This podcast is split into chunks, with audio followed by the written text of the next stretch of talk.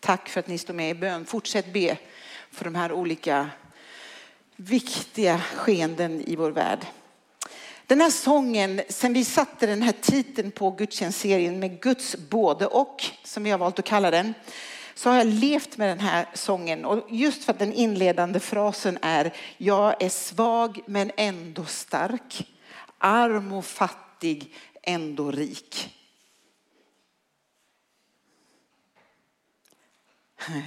Hur förhåller vi oss till det? Och i det ett Hosianna, Gud rädda oss.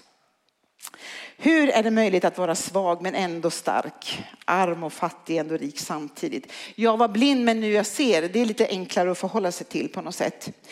Niklas inledde förra veckan och han ville peka på och visa på att när man läser Bibeln så finns det ett olika liksom påståenden, en olika händelser som är just Guds både och.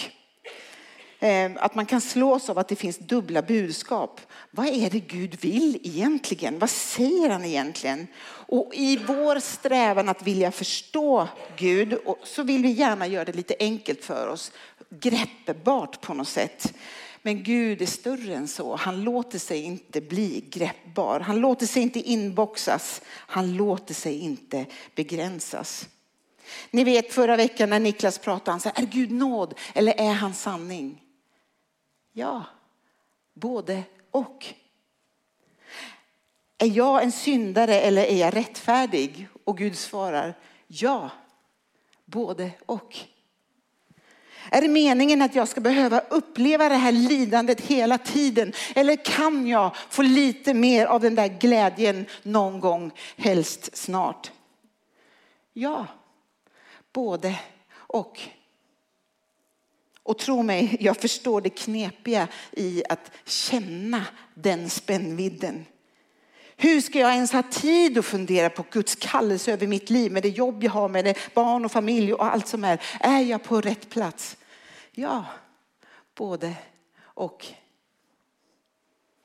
Och de här dubbla budskapen blir ibland inte enklare när de frontalkrockar med det samhälle vi lever i och de värderingar som samhället bär och som influerar oss så stort.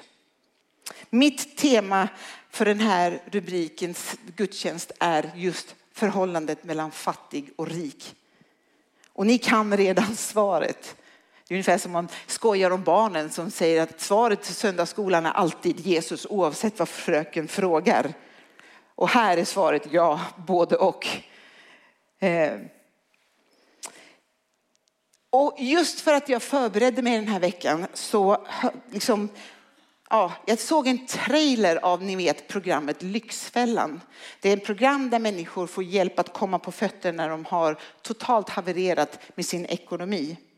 Och en gråtandes ung kvinna som inser vilken situation hon själv har försatt sig i. Hon säger så här, och ni får ursäkta mitt språk nu, men jag kommer citera henne. Så jag kommer svära. Så väldigt olikt mig. Man kan ju bara vara lycklig om man har en god ekonomi.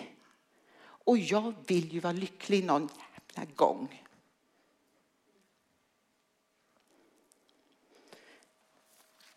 Och så dök en ung kille upp, 17 år, placerad i ett HVB-hem för att han är gängkriminell. Vad han säger ska vi få, ett, lyssna nu för det han säger kommer ganska snart i början. Eh.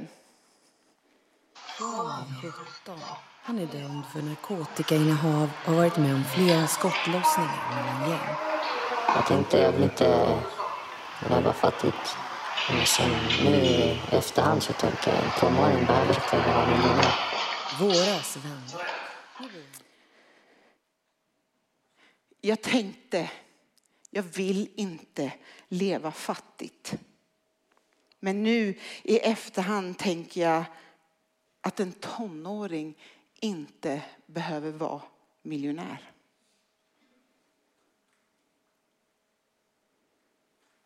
Sug på den lite. För det finns så många lager av så mycket som är tokigt i det han säger. Journalisten skriver sen att det hörs skratt bland killarna och personalen äter bullar i köket. Och på det här HVB-hemmet någonstans i Sverige sitter Juan, 17 år, som nu har hoppat av gängkriget. Och han känner för första gången någonsin att någon bryr sig om honom. De tror inte på makt här. De tror på förändring. Både den här unga tjejen och den här 17-åriga killen berörde mig och det kanske igen är för att jag förbereder den här predikan och har levt med det. Den här unga kvinnans smärta. Eh,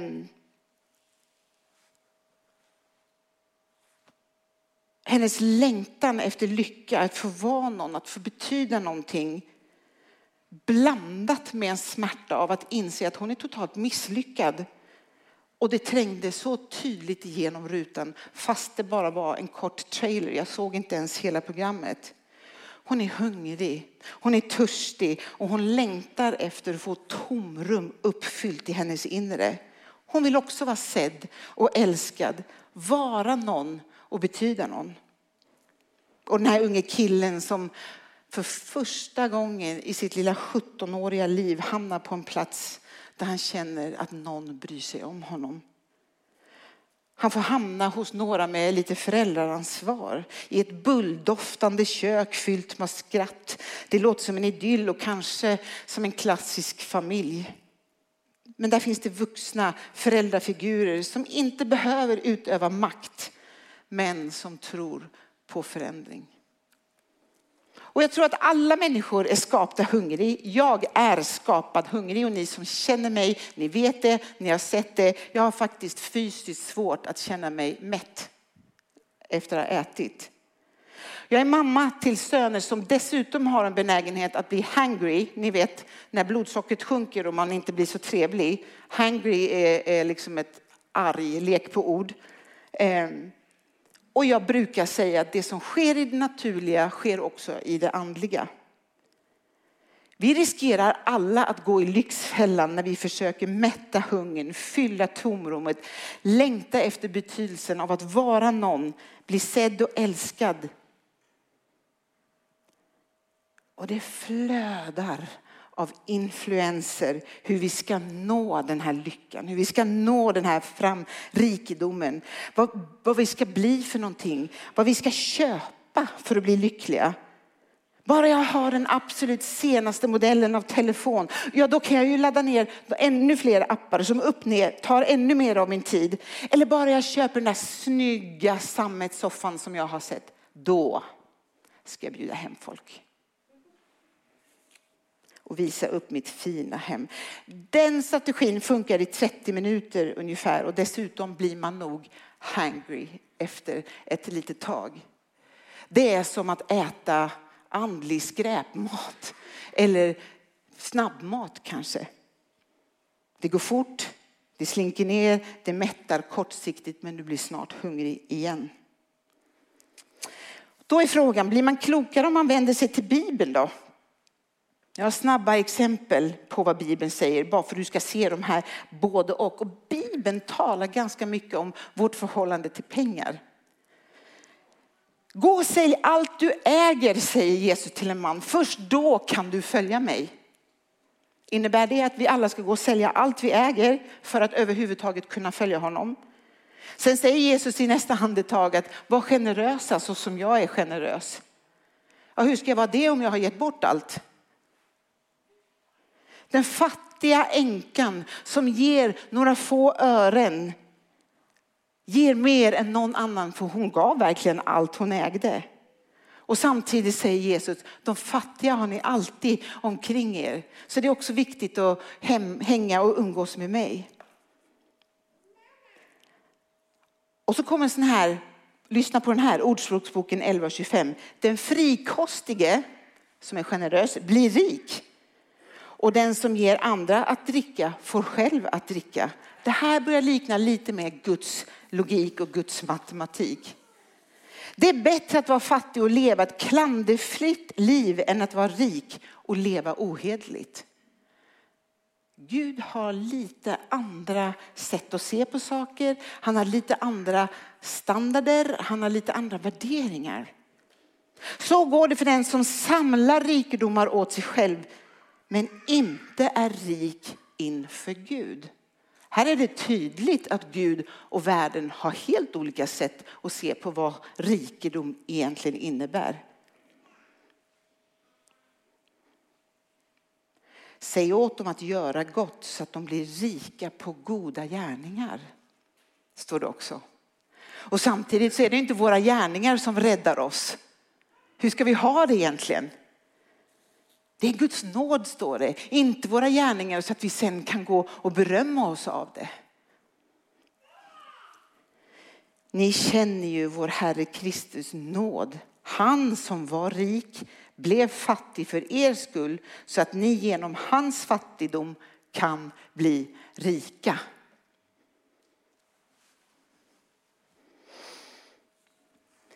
Vi lever just nu i en tid med inflation, räntorna går upp. Det kommer att bli dyrare att ha lån. Somliga av oss här inne kanske smakar på det redan. Matpriserna går upp och så går de ner och likaså bensinen. Det blir dyrare att leva. Ehm, mot bakgrund av liksom bibelord, hur känner du? Är du rik eller är du fattig? Fundera. När jag var tonåring så gick Sverige mot en lågkonjunktur och vi hade en finansminister då som hette Kjell-Olof Feldt. Och han gav folk konkreta och handfasta råd. Ett av dem var klipp sönder era kreditkort. Med andra ord, sätt er inte i skuld. Och jag minns så tydligt som tonåring hur jag ser min pappa vid köksbordet klippa sönder kreditkort. Och jag vågar säga att det räddade vår familjs ekonomi. Och egentligen det Kjell-Olof säger är se om ditt hus. Se om ditt hus. Vi bor i ett av världens mest rika länder. Vi bor på fler kvadratmeter per person än i något annat land. Vi har fler ensamhushåll och så vidare och så vidare och så vidare. Jag kan sakna det i dagens politik, de här tydliga uppmaningarna och hjälp att förbereda sig. Men där jag vill landa idag, det är också igen, det som händer i det naturliga händer också i det andliga. Så hur ser vi om vårt hus? Vad innebär begreppen fattig och rik? Vem är din andliga influencer och vem vänder du dig till när du blir hungrig? När du behöver fylla tomrummet, när du behöver vara något, bli sedd och bekräftad. Om inte Bibeln eller Jesus är den du vänder dig till så kommer någon annan eller något annat att influera dig. Och jag tror att det är viktigt att vi då och då ser om vårt andliga hus. Hur är vi en andligt sund person, en andligt sund församling? Där vi alla bär en hunger, ett tomrum att fylla igen och en längtan att få betyda något för en värld med stora behov. Hur gör vi? Hur gör vi? Andlig skräpmat, det leder till att anden är villig men köttet är fett.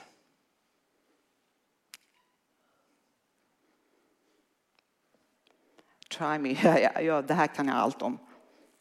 Nu, jag har varit lite all over the place och jag har, svårt, jag har liksom haft svårt att på något sätt hitta rätt i det här med, med vilka bibeltexter och jag kommer inte prata om ekonomi och pengar idag. Det gjorde Jonas briljant för några veckor sedan i vår förra serie som heter Resa lätt. Gå in på Spotify och lyssna där om du vill. Igen, det är så tydligt och så uppenbart att den värld vi lever i är brusten. Det är som sagt inte så jättelångt härifrån i Ukraina där ett fullvärdigt krig pågår och har pågått alldeles för länge. I Sverige lever vi nu i en verklighet av att barn dödar barn. Hur hände det? Och igen, Israel har vi bett för Ekonomin går all världens väg, miljön och i det här blir det pajkastning om hur och vad vi ska satsa vår ekonomi på. Och i det så kommer skattetrycket förmodligen bara bli högre. Vad positivt det är nu, hörni. Det är inte konstigt att Bibeln uppmanar oss att be för människor i maktposition. Och kyrkorna är inget undantag. Ledare faller och ledare avgår. Teologin prövas, vår tro utmanas och allt för många splittringar blir resultatet av det. Och det är hjärtskärande. Ändå så är det så här att för Jesus är inte det här överraskande överhuvudtaget. Det gör honom heller inte maktlös, tvärtom. Han beskrev, om vi läser hans ord, att vi skulle nås av rykten av krig och oroligheter. Och hans sista bön innan han hängs upp på ett kors och ger sitt liv för oss, så är det en bön om enhet bland oss som räknar sig till hans folk. Enhet bland kristna. Troligtvis för han visste att den enheten kommer att utmanas. Det finns en psykolog som heter Elizabeth Kubler-Ross. Och hon säger att de vackraste människorna vi känner till de är ofta människor som har fått smaka på rejält med lidande, svårigheter, förlust men som har hittat vägen ut ur djupen. Dessa människor bär och lever med en förståelse som sen ger dem medlidande, mildhet och en djup kärlek till andra. De här vackra människorna, de händer inte bara av sig självt. Och hon säger precis vad Jesus säger. Att det är möjligt att i en grym värld ändå leva vackert.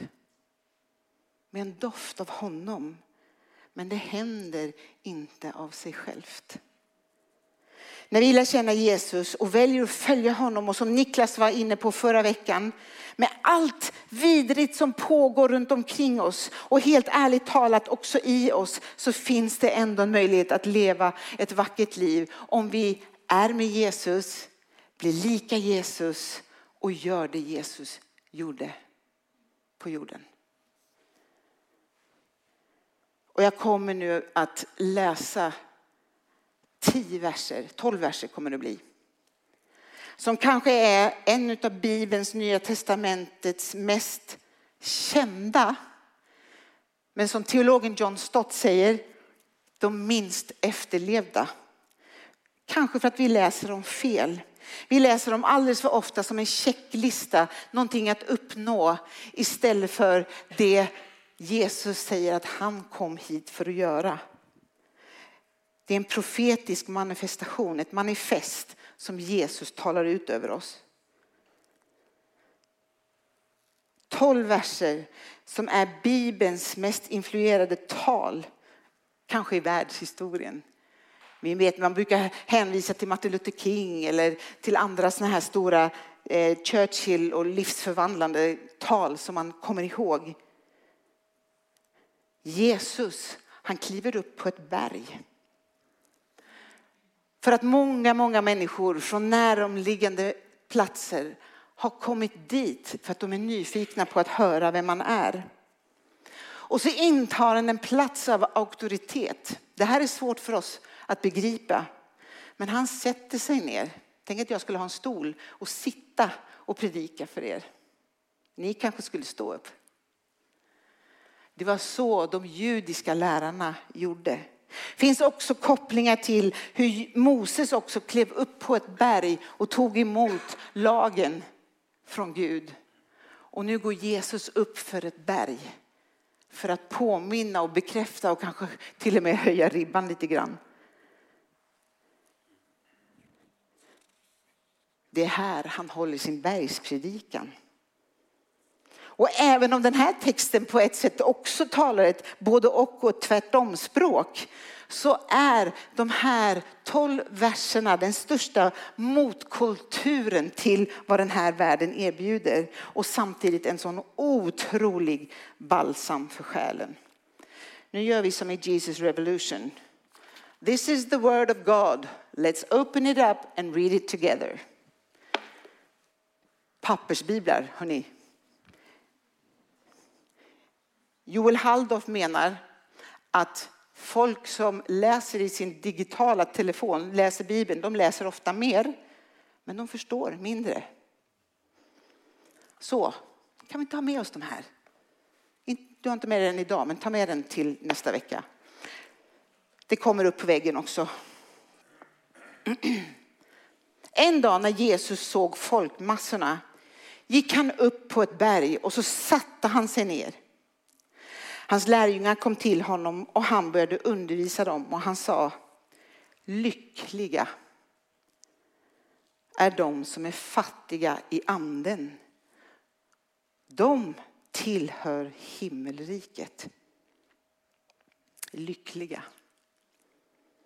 Lyckliga är de som sörjer, för de ska bli tröstade. Lyckliga de ödmjuka, de ska få ärva jorden. Lyckliga de som hungrar och törstar efter rättfärdighet, de ska bli mättade. Lyckliga är de barmhärtiga, för de ska få barmhärtighet. Lyckliga är de renhjärtade, de ska få se Gud. Lyckliga är de som strävar efter frid, de ska kallas Guds barn. Lyckliga är de som förföljs för rättfärdighetens skull, de tillhör himmelriket. Lyckliga är ni när man hånar och förföljer er. Man ljuger och säger allt ont om er för min skull. Jubla och var glada, för ni får en stor lön i himlen. Så förföljde de ju profeterna före er. Här upprepar Jesus orden lyckliga. I vissa översättningar så har man skrivit välsignad är du. För jag tänker att bibelöversättare på något sätt så ordet lycka har blivit så devalverat i vår tid. Det är förknippat med en känsla, men här är det så mycket vidare än en känsla. Det är mer en, en eh, liksom status, om ni förstår vad jag menar, om, om en, läget. Du är välsignad, vet det. Eh.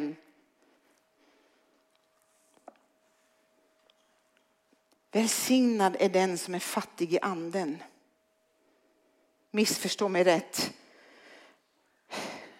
Det är som om Gud nästan säger så här, det spelar ingen roll vad du känner. För du är välsignad ändå. Du är lycklig ändå. Han förkunnar Jesus, han proklamerar och profeterar vad det innebär att vara lycklig och välsignad i en värld som är så desperat och som jagar lycka och är beredd att betala dyrt för det. Och jag tror att du och jag söker också den lyckan. Det är klart vi gör. För vi är skapade sådana. Vi är skapade hungriga varelser. Yale University är ett av världens mest prestigefyllda universitet dit de smartaste, mest begåvade studenterna söker sig. Där var man tvungen att införa en kurs för de insåg att trots de här otroligt smarta, lyckade, begåvade människorna så upptäckte de att studenterna var otroligt olyckliga. Så man, man eh, satte igång en kurs som heter The Happiness Course eller The Science of Wellbeing. 2019 så var det 22 522 elever som gick den kursen. Så kom covid och då lanserade man den online. Och 2020 så har 860 500 elever gått den kursen. Nu har man också gjort den för att rikta sig till tonåringar och jag gick in på Yales hemsida för att se och de bara skriver att millions, alltså miljoner unga människor har genomgått den här kursen. Människor söker och hungrar och törstar efter att få bli uppfyllda av mening med livet. Och i de här verserna beskriver Jesus ett vackert vackert sätt att leva lyckligt i motkultur till som saknar motstycke. Han säger med andra ord så här att den som den här världen ser som en loser, till den säger Jesus, välsignad är du. lycklig är du. Är ni med? Det finns ett begrepp på engelska som heter to be high spirited. Det är någon som är väldigt livfull och någon som är glad och eh, karismatisk personlighet skulle vi kunna säga. Och ingen skulle väl kunna eller vilja identifiera sig som att vara fattig i anden och alldeles särskilt inte som kristen. Eh, skulle man kanske anses ganska livlös. Och Bibeln uppmanar oss att gång på gång bli uppfyllda av helige ande. Och så tänker jag på såna här stora influencers som Andrew Tate. Eh, ni som är under 30 har hört om honom. Och hur han verkligen propagerar för att bli rik. Men fråga om han är lycklig. Han sitter inne nu, va? gör han inte det? Eller vår egen influencer Bianca som jag tror är en av de som tjänar mest pengar i Sverige just nu. Eh, ni som är under 30 vet också vem hon är. Några andra också. Bianca Ingrosso.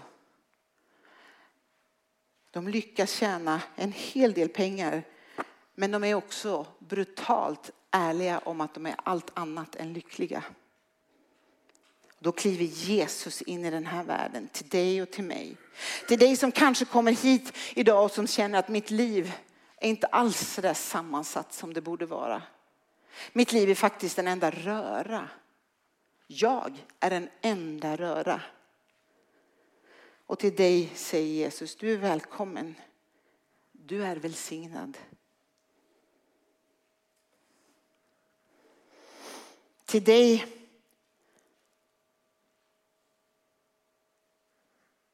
det, ja, men det som Jesus säger till och med. Och, och, och, och jag tänker att vi, vi, hamnar i ett läge där vi kanske tänker, men hånar han mig nu Jesus? Men ni vet ibland när ett barn blir ledset. Har kanske inte ätit på ett tag. Om ni har barn som mina barn som blev hungry och hela världen går under och mitt liv är över så kan man förälder plocka upp dem i famnen och bara säga, vet du vad, du är helt okej. Okay. Du är okej. Okay. Som förälder så ser jag bortom din hunger just nu. Som förälder så ser jag att om du bara får i dig rätt grejer nu så kommer du att bli helt okej. Okay. Så gör Jesus med dig och med mig också. Du är okej. Okay. Kom till mig. Få den goda maten så ska du få se att du blir okej. Okay. Till dig som på ett eller annat sörjer just nu, en älskad eller ett liv som inte blev. Lycklig är den som sörjer. Du ska bli tröstad. Det är någonting du kan bli i gemenskapen. Men du kan också bli tröstad av Jesus själv. Det är som om Jesus säger att här, i den här gemenskapen, så är du som sörjer, du som går igenom svåra grejer, du är prioriterad. Jag ser dig. Du är välsignad. Lyckliga de ödmjuka, vilken skillnad till världens ledare och kanske en och annan ledare i våra sammanhang. Eller några som vi röstar fram. Ödmjuka. Låt oss komma ihåg att det är väldigt sällan andligt att ha rätt. Det är andligare att göra rätt. Lyckliga är de som hungrar och törstar efter rättfärdighet. De ska bli mättade. Du som har tagit dig hit idag och som lever mitt i ditt elände och som ändå trots att du helst bara skulle vilja somna om i morse eller bara, är jag struntar i kyrkan. Du har idag hungrat och törstat efter ett möte med Gud. Du väljer bort din likgiltighet. Jag pallar inte kyrkan idag och utsätter dig för att möta honom. Och jag vill i Jesu namn befria var och en av oss som tror att du måste ha allt på plats för att komma hit. Vi är inget annat än brustna, trasiga människor i den här gemenskapen. Det finns en berättelse av pastorn och författaren Tony Campolo. Han berättar om ett kristet pojkläger i USA. Där alla delades in i grupper och varje dag skulle de liksom rösta fram någon, heja fram någon som skulle hålla en liten morgonandakt för hela lägret som bestod av flera hundra unga grabbar. Så finns det en kille som hette Billy. Han hade en svår CP-skada. Han hade svårt att röra sig. svårt att tala. Och Tony berättar att han blev så arg över hur några av de här killarna gjorde sig lustiga över honom, härmade honom när han gick över området och gjorde sig lustiga över hur han pratade och hur de skrattade åt honom rätt upp i ansiktet. Om det inte var nog, så när det var dags för den gruppen som Billy tillhörde så tyckte de att det skulle vara lite festligt att utse Billy för uppgiften att hålla morgonandakten. Och så gör de. Och Billy stapplar sig fram till estraden. Han liksom kommer upp. Och det här är så märkligt när vi också har Jonas i vår gemenskap som gör det så briljant och som predikar så bra. Eh, men den här killen som är en ung tonåring mitt i skratt och hån. Och med all sin kraft lutar han sig mot podiet eller eh, talarstolen. Och så säger han orden på det sättet som han talar. Jesus älskar mig. Och jag älskar Jesus. Det var allt han sa. Det blir knäpptyst i rummet och de fnissande pojkarna börjar snyfta. Några av dem går ner på knä och plötsligt så var Guds ande där och började verka i rummet av små elaka pojkar. De omvände sig och bad om förlåtelse och gav sina liv till Jesus. Tony Campolo berättar att han genom åren har ett antal präster och pastorer och han har nu tappat räkningen berättat att människor har kommit till honom och berättat jag gav mitt liv till Jesus på ett läger efter den kortaste predikan någonsin. Som hölls av en kille med CP-skada. Han hette Billy. Lycklig är den som är fattig i anden. För de tillhör himmelriket.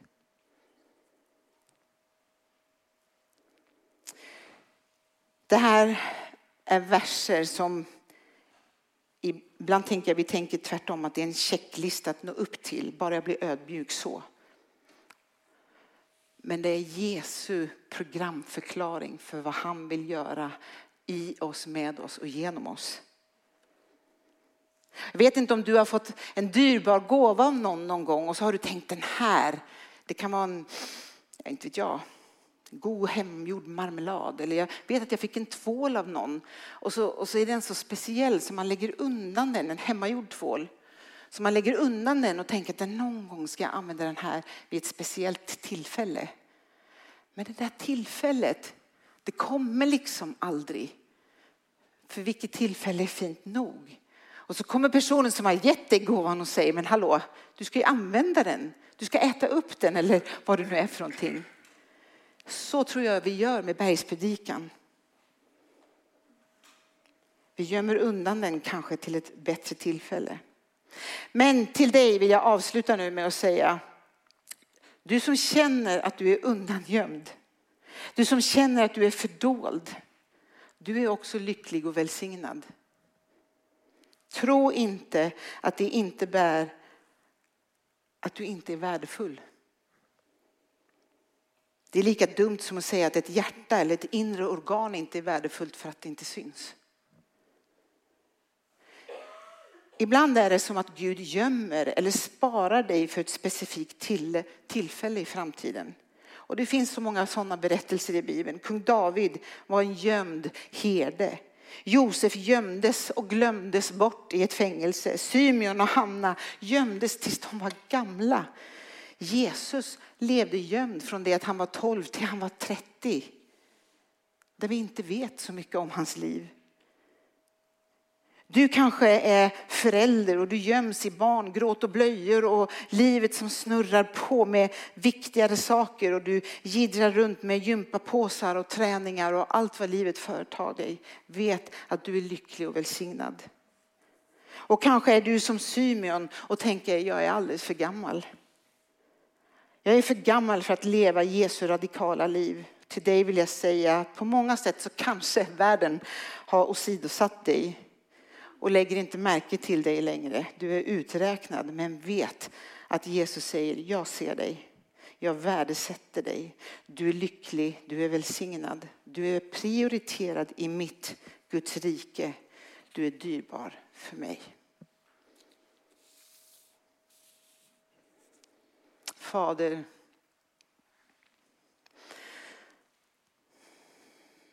vi kommer inför dig. Tack för att du känner oss utan och innan. Du vet precis vilka haltande liv vi lever. Herre, tack för att just nu så får någon här inne bara få uppfyllas av dig och känna sig att du är prioriterad. Du är min ögonsten. Om du så var den enda personen på den här jorden skulle jag ändå välja att dö på ett kors bara för dig.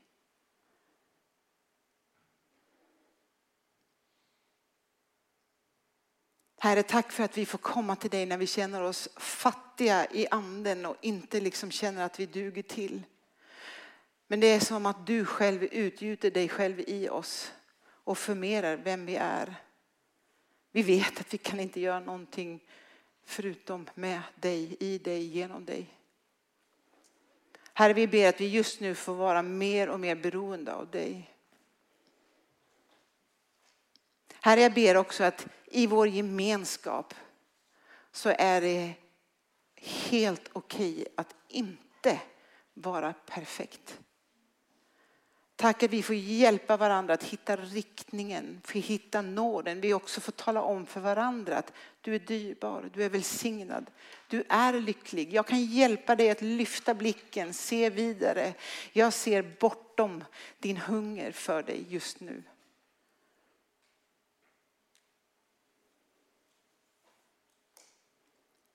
Kom helige Ande och fyll oss. Fyll oss med mer av dig. Så att vi också kan få vara allt det här som du beskriver för en värld som så behöver det.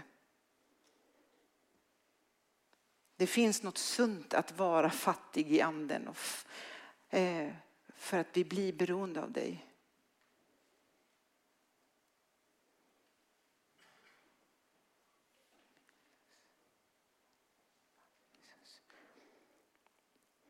Kommer att få, få sjunga tillsammans. Ehm. Och förbönsplatsen där borta vid borden kommer att öppnas upp. Och du som känner att det här är det berörde mig, jag behövde få höra det idag. Jag behövde få höra att ja, men jag är bara älskad av Gud. Jag behöver fylla på. Jag är fattig i min ande. Då är du på en bra plats. Då är du på en bra plats. Och vi vill välsigna dig. Vi vill bekräfta Guds ord för dig av att lycklig är du, välsignad är du. Amen.